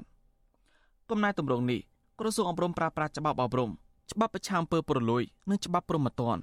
ដើម្បីធានាថាបេក្ខជនទាំងអស់ប្រឡងនឹងការប្រើប្រាស់សមត្ថភាពពិតនិងគ្មានអំពើហិង្សាផ្សេងផ្សេងក្រសួងប្រកាន់គោលការណ៍ថាអ្នកចេះគឺជាប់កាលពីឆ្នាំ2014អត្រាអ្នកជាប់មាន26%ចំណែកនៅឆ្នាំបន្តបន្ទាប់អត្រាអ្នកប្រឡងជាប់កើនឡើងវិញ ដោយនឹងឆ្នាំ2022អត្រាអ្នកប្រឡងជាប់មាន72%។សង្គមស៊ីវិលមើលឃើញថាការរំតឹងការប្រឡងបាក់ឌុបគឺជារឿងល្អប៉ុន្តែរដ្ឋាភិបាលពិសេសក្រសួងអប់រំគួរកែលម្អប្រព័ន្ធអប់រំតាំងពីថ្នាក់មូលដ្ឋានឡើងទៅឲ្យមានគុណភាពដូចជាការពង្រឹងសមត្ថភាពនៃការបង្រៀនរបស់គ្រូផ្ដល់ប្រាក់បៀវត្សឲ្យគ្រូបានសមរម្យលុបបំបាត់ការរៀនគួរលុបបំបាត់អំពើពុករលួយនិងការពង្រីកវិសាលភាពបច្ចេកវិទ្យាឲ្យបានទៅដល់ដៃសិស្សានុសិស្សគ្រប់តំបន់ជាដើម ប្រធានសមាគមគ្រូបង្រៀនកម្ពុជាឯករាជ្យអ្នកស្រីអុកឆាយាវីមានប្រសាសន៍ថាបើទោះបីជាកំណែតម្រង់ថ្មីលើការប្រឡងបាក់ឌុបជិត10ឆ្នាំមកហើយក៏ប៉ុន្តែសមត្ថភាពសិស្សនៅមានកម្រិតមិនទាន់អាចប្រកួតប្រជែងជាមួយសិស្សក្នុងតំបន់បានទេអ្នកស្រីបន្តថាក៏បានធ្វើការសាកល្បងតេស្តសមត្ថភាពសិស្សថ្នាក់ទី7ឡើងថ្មីក៏សម្គាល់ឃើញថាសិស្សមានត្រឹមតែ50%ប៉ុណ្ណោះដែលអាចសរសេរនិងអានបានសិនជាយើងនិយាយការពិតទៅ សិស្សពូកែនៅក្នុងអ្នកខ្សោយកាលពីសម័យមុនគឺពូកែនៅក្នុងអ្នកពូកែអញ្ចឹងណាអ្នកខ្សោយនៅក្នុងអ្នកពូកែអញ្ចឹងវាខុសគ្នាបើពូកែនៅក្នុងជាមួយអ្នកខ្សោយបានន័យថាយើងនៅខ្សោយនៅឡើយទេប៉ុន្តែបើពូកែនៅក្នុងខ្សោយនៅក្នុងអ្នកពូកែវិញអានឹងវាខុសខុសតែគ្នាអញ្ចឹងណាអ្នកស្រីអុកឆាយាវីអះអាងថាការរៀនគោក្រៅម៉ោងកំពុងកើនឡើងគ្រប់មុខវិជ្ជា ដែលធ្វើឲ្យសិស្សចំណាយពេលច្រើនហើយធ្វើឲ្យពួកគេមានជីវភាពលំបាកនិងអាចឈានដល់ការបោះបង់ការសិក្សាអ្នកស្រីសង្កេតឃើញថាសាលារៀនមួយចំនួនមិនសូវយកចិត្តទុកដាក់បង្រៀនសិស្សតាមម៉ោងសិក្សារបស់រដ្ឋនោះទេប៉ុន្តែបែរជាបង្ខំធ្វើសិស្សគ្មានជំរឿត្រូវចំណាយប្រាក់ច្រើនរៀងក្រៅម៉ោងដើម្បីបានចំណេះដឹងបន្ថែមនិងបាននីតិល្អកត្តាសំខាន់ផ្សេងទៀតក្រោយពីប្រឡងបាក់ឌុបជាប់នេះសិស្សានុសិស្សមួយចំនួនគ្មានលទ្ធភាពរៀនបន្តហើយមិនសូវមានការជ្រោមជ្រែងពីរដ្ឋាភិបាលនោះទេលទ្ធផលប្រឡងបាក់ឌុបឆ្នាំ2022 មានបេក្ខជនប្រឡងចប់សរុបជាង90000នាក់ក្នុងនោះបេក្ខជនជាប់មេតាអេមានជាង1000នាក់ខ្ញុំសនចាររថាវិទ្យុអេស៊ីសេរីរាយការណ៍ពីរដ្ឋធានីវ៉ាស៊ីនតោនលោកអ្នកនាងជាទីមេត្រីសេចក្តីរាយការណ៍ពីខេត្តមណ្ឌលគិរីឲ្យដឹងថាតុលាការនៅក្នុងខេត្តមណ្ឌលគិរី បានកោះហៅប្រជាសហគមន៍15នាក់ដើម្បីចូលរួមជំនុំជម្រះរឿងក្តីវិវាទដីធ្លីរវាងក្រុមហ៊ុនសម្បត្តិសេដ្ឋកិច្ច Sokfin KCD និងជនជាតិដើមភាគតិចភ្នង នៅឃុំប៊ូស្រាកាលពី15ឆ្នាំមុនប្រជាសហគមន៍ថាតុលាការពន្យាពេលកាត់ក្តីនៅក្នុងសំណុំរឿងនេះបានបង្កើតឲ្យមានភាពអយុត្តិធម៌ម្ដងហើយម្ដងទៀតចាលោកយ៉ងច័ន្ទដារារាយការណ៍ពុស្ដាអំពីរឿងនេះជនជាតិដើមភាគតិចភ្នង15នាក់រស់នៅឃុំប៊ូស្រាស្រុកពេជ្រដាចាត់ទុកសំណុំរឿងនេះថាជាការធ្វើទុកបុកម្នេញទៅលើប្រជាពលរដ្ឋស្លូតត្រង់ដែលបាត់បង់ដីធ្លីបង្កបង្កើនផល ហើយត្រូវជាប់បណ្ដឹងនៅតុលាការថែមទៀត ពួកគាត់អះអាងថានឹងចូលខ្លួននៅក្នុងសវនាការជំនុំជម្រះទៅតាមដីកាកោះហៅរបស់តុលាការជនជាដើមភាគតិចភ្នងដែលជាប់បណ្ដឹងនៅក្នុងសំណុំរឿងនេះគឺលោកស្រីស្រងព្រូប្រាប់វិទ្យុអាស៊ីសេរីថាលោកស្រីខកចិត្តនៅពេលដែលតុលាការផ្អឹបទុកសំណុំរឿងនេះអស់រយៈពេលជាង15ឆ្នាំមកហើយទើបតុលាការក៏ហៅពួកគាត់ឲ្យចូលរួមក្នុងសវនាការជំនុំជម្រះលោកស្រីបញ្ជាក់ថាការប្តឹងផ្តល់នេះកើតឡើងដោយសារតែពួកគាត់លើកគ្នារារាំងគ្រឿងចាក់ ដែលឈូសឆាយប៉ះពាល់តំបន់គោរពបូជា និងដីចំការវិលជុំរបស់អ្នកភូមិចង់បៀតបៀនចង់កេងប្រវ័ញ្ចចង់ថាបាបប្រជាពលរដ្ឋហ្មងណាយកដីផងយកទឹកខ្លួនញុតកុកផងអញ្ចឹងណាលោកគ្រូខ្លះគេព្រួយវោព្រួយព្រួយខ្លះចង់យំចង់អីអញ្ចឹងណាលោកគ្រូភ័យភ័យមែនតែនហ្មងណាចាខ្ញុំអត់អត់ភ័យព្រួយទេព្រោះអីស្លាប់ដោយសារដីក៏អស់ចិត្តដែរខ្ញុំលែងខ្លាចដែរស្ត្រីវ័យ46ឆ្នាំរូបនេះបន្ថែមថា គ្រួសារលោកស្រីបាត់បង់ដីស្រែចម្ការគេឪពុកម្ដាយទំហំ9ហិកតាដែលអាស្រ័យផលជាច្រើនចំនួនមកហើយហើយពេលនេះជំនួសមកវិញដោយដំណាំកៅស៊ូគ្រប់គ្រងដោយក្រុមហ៊ុនឯកជន ចំណែកអ្នកភូមិរាប់រយគ្រួសារទៀតក៏ជួបបញ្ហានេះដោយលោកស្រីដែរកាលពីថ្ងៃទី13មករាកន្លងទៅតំណាងអัยការខេត្តមណ្ឌលគិរី លោកអៀងសុគន្ធបានកោះហៅជនជាដើមភាគតិចភ្នង15នាក់ ឲ្យបង្ហាញខ្លួននៅក្នុងសវនាការជំនុំជម្រះក្តីនៅក្នុងនាមជាជនជាប់ចោតនៅថ្ងៃទី7ខែកុម្ភៈខាងមុខនេះពីបទបង្កអគីភ័យបំផ្លាញដោយចេតនានិងប្លន់ដែលប្រព្រឹត្តឡើងនៅឃុំប៊ូស្រាខេត្តមណ្ឌលគិរីអ្នកភូមិថាដើមបណ្ដឹងនៅក្នុងសំណុំរឿងនេះគឺក្រុមហ៊ុន Sokfin វិទ្យុអាស៊ីសេរីមិនទាន់អាចតាក់ទងតំណាងអัยការអមសាលាដំបងខេត្តមណ្ឌលគិរីលោកអៀងសុគន្ធនិងអ្នកនាំពាក្យតុលាការខេត្តនេះ គឺលោកមាសប្រុសដើម្បីសាកសួរជុំវិញរឿងនេះបានទេ នៅថ្ងៃទី2ខែកុម្ភៈកាលពីឆ្នាំ2008សហគមន៍ប៊ូស្រាជាង300នាក់បាននាំគ្នាឡោមព័ទ្ធគ្រឿងចាក់ក្រុមហ៊ុនសម្បត្តិសេដ្ឋកិច្ចសុកហ្វិនដែលកំពុងឈូសឆាយនៅលើដីចំការវិលជុំនិងដីព្រៃគោរពបូជារបស់សហគមន៍នៅក្នុងហេតុការណ៍នោះ ប្រជាសហគមន៍បានដុតគ្រឿងចាក់របស់ក្រុមហ៊ុនអស់3គ្រឿងដោយសារតែអ្នកភូមិទាមទារឲ្យអាជ្ញាធរដោះស្រាយផ្អាកការឈូសឆាយក៏ប៉ុន្តែมันមានដំណោះស្រាយអតីតតំណាងសហគមន៍ជនជាដើមភាគតិចភ្នងដែលបច្ចុប្បន្នជាមន្ត្រីឃ្លាំមើលសិទ្ធិមនុស្សនៃសមាគមអាត6លោកគ្រឿងតុលាខកចិត្តពីភាពយឺតយ៉ាវរបស់តុលាការថាធ្វើឲ្យប្រជាពលរដ្ឋខាតបង់ប្រយោជន៍ច្រើនហើយចំណេញទៅលើភាគីក្រុមហ៊ុន លោកថាក្រោយពីមានវត្តមានក្រុមហ៊ុនទាំងនេះជីវភាពរស់នៅរបស់ជនជាដើមភាគតិចលំបាកជាខ្លាំងហើយដីដែលពួកគាត់ធ្លាប់អាស្រ័យផលនោះត្រូវបានក្រុមហ៊ុនរំលោភយកដាំកៅស៊ូអស់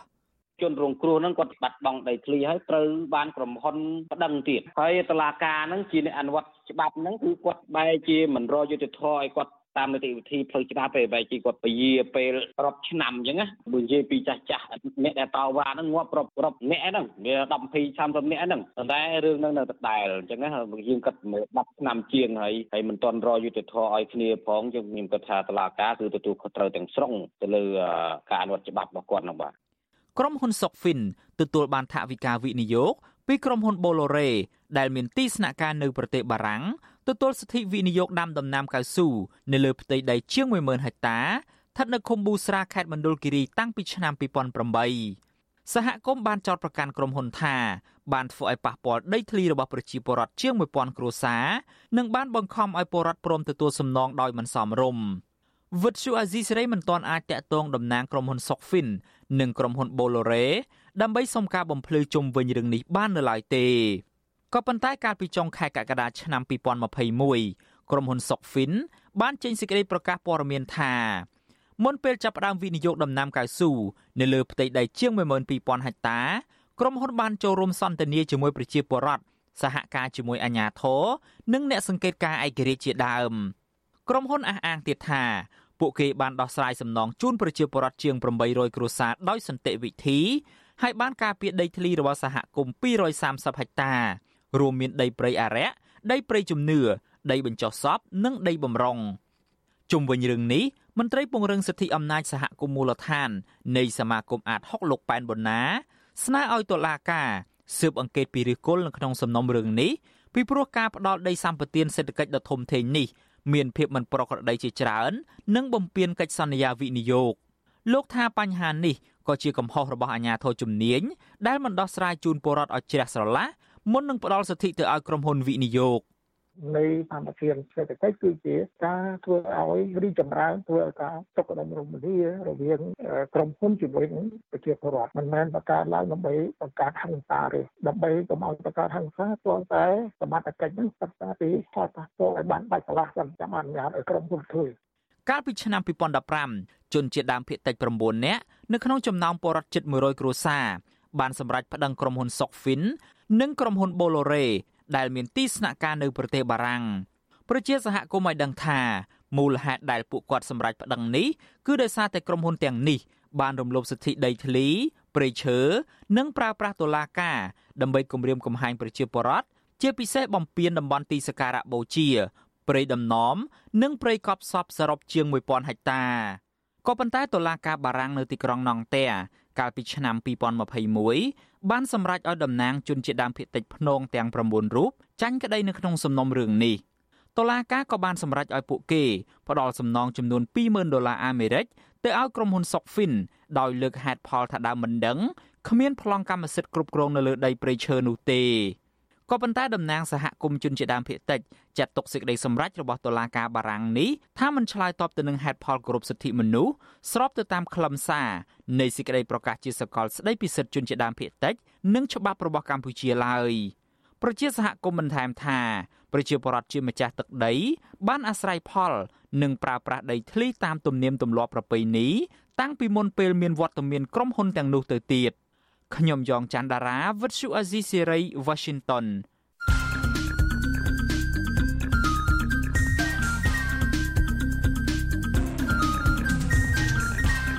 បទសំភារ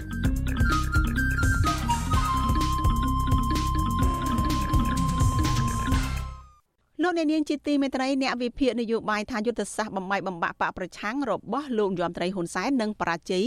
ប្រសិនបើលោកសំរងស៊ីនិងមន្ត្រីជាន់ខ្ពស់គណៈបកសង្គ្រោះជាតិវិលត្រឡប់មកកម្ពុជាវិញទាំងក្រុមនៅក្នុងអំឡុងពេលកម្ពុជារៀបចំព្រឹត្តិការណ៍ SEA Games នៅមុនការបោះឆ្នោតជាតិខែកក្កដាខាងមុខនេះការលើកឡើងនេះធ្វើឡើងស្របពេលដែលលោកហ៊ុនសែនបន្តអំពាវនាវជាថ្មីម្ដងទៀតឲ្យក្រុមអ្នករិះគន់លោកនៅក្រៅប្រទេសវិលត្រឡប់ចូលស្រុកវិញចាសសូមស្ដាប់បទសម្ភាសន៍រវាងលោកមានរិទ្ធនិងអ្នកវិភាគនយោបាយលោកបណ្ឌិតសេងសេរី ជុំវិញរឿងនេះដូចតទៅយ៉ាងម៉េចទៅលោកបណ្ឌិតក្រោយពីស្ដាប់ប្រសាសន៍របស់លោកនាយរដ្ឋមន្ត្រីហ៊ុនសែនហើយលោកបណ្ឌិតក៏ជាអ្នកភៀសខ្លួននយោបាយមួយរូបដែរតើលោកបណ្ឌិតជឿទុកចិត្តហើយក្រុងចង់វិលចូលកម្ពុជាវិញនៅមុនការបោះឆ្នោតនេះទេបាទតកតងទៅនឹងការអំពាវនាវរបស់លោកនាយករដ្ឋមន្ត្រីតាមពិតទៅយើងឃើញថារៀងរាល់មុនការបោះឆ្នោត មកដល់គឺតែងតែជាយុទ្ធសាស្ត្រមួយដើម្បីតេទៀងការគ្រប់គ្រងតេទៀងអ្នកដែលមាននិន្នាការប្រឆាំងហ្នឹងឲ្យចូលរួមជាមួយនឹងបកកណ្ដាលអំណាចហើយសម្រាប់ខ្ញុំខ្ញុំមើលឃើញថាគ្រាន់តែជាផ្នែកមួយនៃយុទ្ធសាស្ត្រ defeat មានន័យថាយុទ្ធសាស្ត្របបែករបស់លោកនាយករដ្ឋមន្ត្រី ហើយយើងឃើញហើយថាការអំពាវនាវនេះខ្ញុំសម្រាប់ខ្ញុំខ្ញុំមើលឃើញថាជាជាគោលដៅសំខាន់ហ្នឹងគឺផ្ដោតទៅលើយុទ្ធសាស្ត្រមួយដែលលោកនាយករដ្ឋមន្ត្រីបានប្រកាសកាលពីចុងឆ្នាំ2022គឺគឺយុទ្ធសាស្ត្រ IF IF នេះគឺមកពីពាក្យអង់គ្លេសគឺមកពីពាក្យ isolate and fitness គឺធ្វើឲ្យឯកាហើយបញ្ចប់តែម្ដង អញ្ចឹងខ្ញុំមើលទៅការអំពាវនាវនេះគ្រាន់តែជាផ្នែកមួយនៃយុទ្ធសាស្ត្រ IF តែប៉ុណ្ណោះគឺជាជាគោលដៅសំខាន់ហ្នឹងគឺធ្វើម៉េចទុករុញឲ្យលោកសំរងស៊ី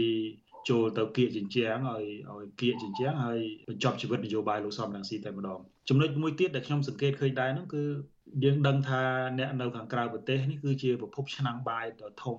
នៅក្នុងការគ្រប់គ្រងផ្នែកខាងហិរញ្ញវត្ថុសម្រាប់អ្នកប្រឆាំងនៅកម្ពុជាដូច្នេះបើសិនជាក្នុងករណីយើងឃើញថាព្យាយាមច្រើនដងនៅក្នុងការបំបីសហគមន៍នៅក្នុងសហរដ្ឋអាមេរិកក្តីនៅអូស្ត្រាលីក្តីនឹងហើយដែលដែលយើងដែលខ្ញុំមើលឃើញថាបើសិនជាក្នុងករណីពលរដ្ឋខ្មែរនៅក្រៅប្រទេសត្រឡប់មកកម្ពុជាមកចូលរួមជីវភាពនយោបាយជាមួយគណៈកណ្ដាលអំណាចគឺ គណៈបកប្រឆាំងហ្នឹងគឺ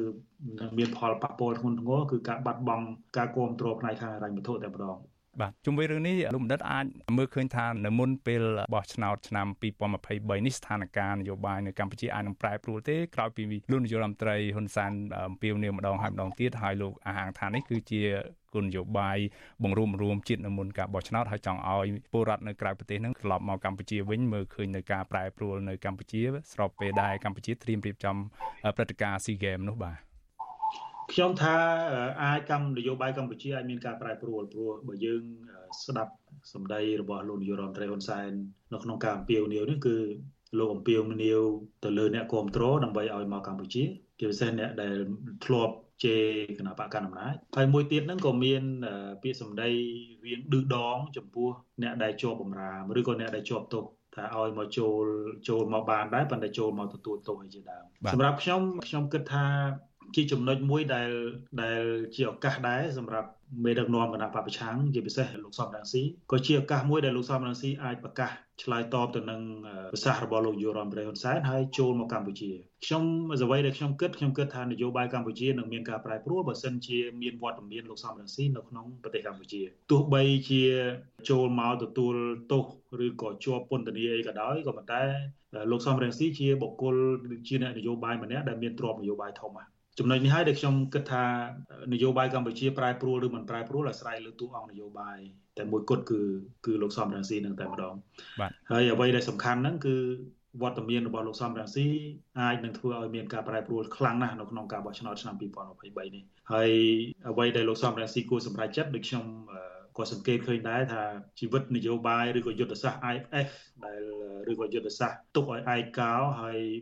បញ្ចប់ជីវិតនយោបាយលោកសំរងស៊ីនឹងគឺនឹងបរាជ័យបើសិនជាលោកសំរងស៊ីមកតាមការអំពាវនាវរបស់លោកនាយករដ្ឋមន្ត្រីហ៊ុនសែនបាទបាទក៏ប៉ុន្តែទន្ទឹមនឹងអ្វីដែលជាការអំពាវនាវនេះលោកហ៊ុនសែនហ្នឹងដៃម្ខាងទៀតហ្នឹងលោកក៏បានគម្រាមកំហែងប្រើសារមន្ត្រីទេក្នុងនោះមានដូចជាលោកប្រដូចមន្ត្រីបពប្រឆាំងទៅជានឹងត្រីនៅក្នុងកត្រកជាដើមដែលលោកអាចកាត់កកស៊ីពេលណាក៏បាននេះបើតាមសាររបស់លោកកន្លងទៅហ្នឹងហើយលោកក៏គម្រាមប្រើអំពើហិង្សាផ្សេងផ្សេងទៀតដែរតើមានចំណុចណាដែលបញ្ជាក់ថានេះជាឱកាសសម្រាប់ក្រុមមន្ត្រីបពប្រឆាំងឲ្យជឿទុកចិត្តនោះគណៈលោកនាយករដ្ឋមន្ត្រីហ៊ុនសែននឹងបន្តប្រើប្រព័ន្ធតឡាការធ្វើជាអាវុធដដែលនោះបាទ អ្វីដែលយើងសង្កេតឃើញគឺផ្សេងវានយោបាយនៅកម្ពុជាហើយអំឡុងពេលដែលនយោបាយអន្តរជាតិហាក់ដូចជាងាកចេញពីតំបន់អាស៊ីអាគ្នេយ៍ទៅសមុទ្រចិនភាគខាងត្បូងក៏ដូចជាអ៊ុយក្រែនចឹងហើយហាក់អន្តរជាតិហាក់ដូចជាមិនសូវចាប់អារម្មណ៍ក្នុងតំបន់ទេក៏ប៉ុន្តែបើសិនជាក្នុងករណីថ្នាក់ដឹកនាំរបស់គណៈបកអតីតគណៈបកសង្គ្រោះជាតិត្រឡប់មកកម្ពុជាវិញ ការចាប់ខ្លួនអ្នកនយោបាយទាំងក្រម50 60នាក់បែបនេះ មិនមែនជារឿងសាមញ្ញពេកទេហើយខ្ញុំគិតថាក៏ជាយុទ្ធសាស្ត្រមួយដែលជាយុទ្ធសាស្ត្រ challenge ជាមួយនឹងយុទ្ធសាស្ត្រ defeat របស់លោកនាយករដ្ឋមន្ត្រីដែរហើយអ្វីដែលសំខាន់ហ្នឹងគឺការប្រើសារបែបនេះសម្រាប់ខ្ញុំក្នុង នាមជាអ្នកតាមដានកិច្ចការងារនយោបាយក៏ជាសាររបៀបប្រមាថទៅលើអ្នកតស៊ូនយោបាយដែរដូច្នេះខ្ញុំគិតថាសម្រាប់អ្នកតស៊ូនយោបាយអាចយើងនិយាយបែបកងទ័ពគឺឬក៏យើងនិយាយបែបអ្នកតស៊ូថាយើងអាចស្លាប់នៅក្នុងសមរភូមិតែមិនត្រូវទួការប្រមាថច្រើនពេកទេដូច្នេះយើងមិនដឹងថាមានច្រកណាមួយដែលធ្វើឲ្យនយោបាយនៅកម្ពុជាប្រែប្រួលទេអំឡុងពេលដែលគណៈបកកណ្ដាលអំណាច ជាពិសេសលោកនាយរដ្ឋមន្ត្រីហ៊ុនសែនគាត់ក្តាប់អំណាចណែនបែបនេះបាទក្រៅពីតួអង្គលោកសំរងស៊ីនេះយើងឃើញថាព្រឹត្តិការណ៍ដែលកម្ពុជាត្រៀមធ្វើ SEA Games នោះក៏កាន់តែគៀកមកហើយគឺនិមន្តការបោះឆ្នោតទៀតយើងមិនដឹងថាពេលវេលានៃការជ្រើសរើសយកព្រឹត្តិការណ៍នេះធ្វើនិមន្តការបោះឆ្នោតអាចជារឿងចៃដន្យឬក៏ជារឿងត្រៀមទុកដែលលោកនាយរដ្ឋមន្ត្រីហ៊ុនសែនប្រើប្រាស់ឱកាសនៃព្រឹត្តិការណ៍កីឡាដ៏សំខាន់នេះយកមកដើម្បីកេងប្រវ័ញ្ចផ្នែកនយោបាយរបស់លោកឬយ៉ាងណានោះ បាទក៏ប៉ុន្តែទន្ទឹមនឹងនេះដែរនៅខែ3មួយខែបន្ទាប់ពីនេះហ្នឹងយើងនឹងដឹងលទ្ធផលហើយថាសារក្រមលើលោកកឹមសុខាដែលជាប្រធានគណៈបកសង្គ្រោះជាតិនឹងចេញ បាទទន្ទឹមនឹងការចេញសារក្រមនេះហើយទន្ទឹមនឹងការអំពាវនាវរបស់លោកហ៊ុនសែនក៏មានការចាប់ខ្លួនលោកថាសេថាអនុប្រធានគណៈបកភ្លើងទៀនផងតើលោកបណ្ឌិតមើលឃើញថាស្ថានភាពនៅប្រហែលខែទៀតនេះអាចនឹងមានការឈានទៅដាក់ការដែលលោកហ៊ុនសែននឹងប្រើសេណារីយ៉ូបែបណាដើម្បីបន្ធូរបន្ថយកម្ដៅនៅមុនការបោះឆ្នោតឬក៏ដើម្បីឲ្យគណៈបកកណ្ដាលរបស់លោកទទួលបានលទ្ធផលផ្លែផ្កាយ៉ាងណានោះបាទយើងយើងសារលបងមើលអញ្ចេះថាចលនាប្រឆាំងឬក៏យើងហៅថាអ្នកដែលចូលរួមប្រកួតប្រជែងអំណាចជាមួយនឹងគណៈបកកណ្ដាលអំណាចហ្នឹងគឺយើងឃើញថាបើយើងនិយាយពីកម្លាំងមូលដ្ឋានរឹងមាំហើយមានទំហំធំយើងវាស់វែងងាយងាយឆ្នាំ2022បោះឆ្នោតឃុំសង្កាត់យើងឃើញយ៉ាងទីបំផុតហើយមានមនុស្ស1លាន6សែននាក់នៅគ្រប់គ្រងចលនាប្រឆាំង បាទដូច្នេះហើយគណៈបព្វជិជនប្រកាសជាវាតម្លៃដឹងច្បាស់ណាស់ថាការកម្ចាត់មូលដ្ឋានគ្រឹះរបស់គណៈបកប្រឆាំងហ្នឹងគឺជារឿងដែលមិនអាចធ្វើទៅបានអញ្ចឹងគោលដៅសំខាន់គឺការបលេះមេដឹកនាំគណៈបក ប្រឆាំងសំខាន់សំខាន់ហ្នឹងឲ្យដើរចេញពីសាវិននយោបាយបើយើងមើលករណីលោកកឹមសុខាលោកកឹមសុខាទោះបីជាទទួលបានការដោះលែងឲ្យមានសេរីភាពយ៉ាងវិញក៏ដោយប៉ុន្តែវាជាពេលវេលាមួយដែលលោកកឹមសុខាមិនអាចធ្វើឲ្យបានទេជាពេលវេលាមួយដែលគៀកនឹងការបោះឆ្នោតហើយសឹងថាចេញមកឬក៏មានសេរីភាពឡើងវិញហ្នឹងគឺតួអង្គលោកកឹមសុខាហ្នឹងគឺជាតួអង្គមួយដែលមិនអាចធ្វើឲ្យកើតហើយដែលមិនអាច រៀបចំកម្លាំងនយោបាយអីទាន់នៅឡើយទេហើយណាមួយទៀតយុទ្ធសាស្ត្រដែលលោកកុំសខាជ្រើសរើសនៅក្នុងការតស៊ូផ្នែកនយោបាយរបស់គាត់ហ្នឹងគឺត្រូវបានពលរដ្ឋអ្នកគ្រប់គ្រងហ្នឹងមើលឃើញថាជាយុទ្ធសាស្ត្រដែលដែលដេកចាំទទួលយុទ្ធធរដែលដេកចាំជោគជ័យនៅក្នុងផ្នែកនយោបាយដែលដែលវាមិនសមជាមួយនឹងបរិបទនយោបាយកម្ពុជាដូច្នេះហើយបើយើងមើលកម្លាំងមូលដ្ឋានយើងឃើញថានៅមានកម្លាំងធំ មើលលោកកឹមសុខាមិនអាចធ្វើអីកើតអ្នកដែលជាថ្នាក់ដឹកនាំរបស់គណៈបកភ្លើងទៀនបច្ចុប្បន្នត្រូវបានជាប់បណ្ដឹងត្រូវបានប្រលេះម្ដងមួយម្ដងមួយអញ្ចឹងហើយចលនានយោបាយនៅកម្ពុជានៅមានចលនាធំនៅឡើយប៉ុន្តែក្បាលម៉ាស៊ីន មានន័យថាដូចពស់មួយដែលដងខ្លួននៅនឹងកតុយនៅរស់ក៏ប៉ុន្តែមិនមានក្បាលដូច្នេះវត្តមានរបស់លោកសំរងស៊ីដែលជាក្បាលម៉ាស៊ីនធំហ្នឹងខ្ញុំគិតថាយុទ្ធសាស្ត្រដែលត្រឡប់មកកម្ពុជាវិញខ្ញុំទទួលស្គាល់ថាវាមានហានិភ័យខ្ពស់ក៏ប៉ុន្តែក៏ជាពេលវេលាមួយដែលលោកសំរងស៊ីត្រូវតែលះបង់ដើម្បីដើម្បីមកដឹកនាំចលនាដែលលោកធ្លាប់បានបង្កើតឡើងពីឆ្នាំ95នេះដែរបាទលោកអ្នកនាងទៅបានស្ដាប់បទសម្ភាសន៍រវាងលោកមានរិទ្ធនិងលោកបណ្ឌិតសេងសេរីដែលលោកថាយុទ្ធសាស្ត្របំបែកបំបាក់បកប្រឆាំងរបស់លោកហ៊ុនសែន និងបរាជ័យបើលោកសំរងស៊ីនិងមន្ត្រីស្និទ្ធនឹងលោកវិលចូលស្រុកវិញជាក្រុមចំពេលព្រឹត្តិការណ៍ស៊ីហ្គេមនិងនៅមុនការបោះឆ្នោតជាតិខែកក្កដាខាងមុខនេះ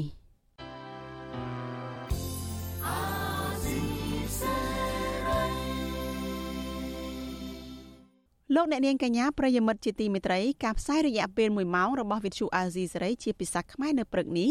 ចាប់ត្រឹមតែប៉ុណ្ណេះនាងខ្ញុំសុជីវី ព្រមទាំងក្រុមការងារទាំងអស់នៃវិទ្យុអាស៊ីសេរីសូមអរគុណលោកអ្នកនាងចាដែលតែងតែមានភក្ដីភាពចំពោះការផ្សាយរបស់យើងហើយតែងតែជួយចែករំលែកការផ្សាយរបស់វិទ្យុអាស៊ីសេរីទៅកាន់មិត្តភ័ក្តិរបស់លោកអ្នកនាងចា៎នេះខ្ញុំសូមអរគុណនិងសូមជម្រាបលា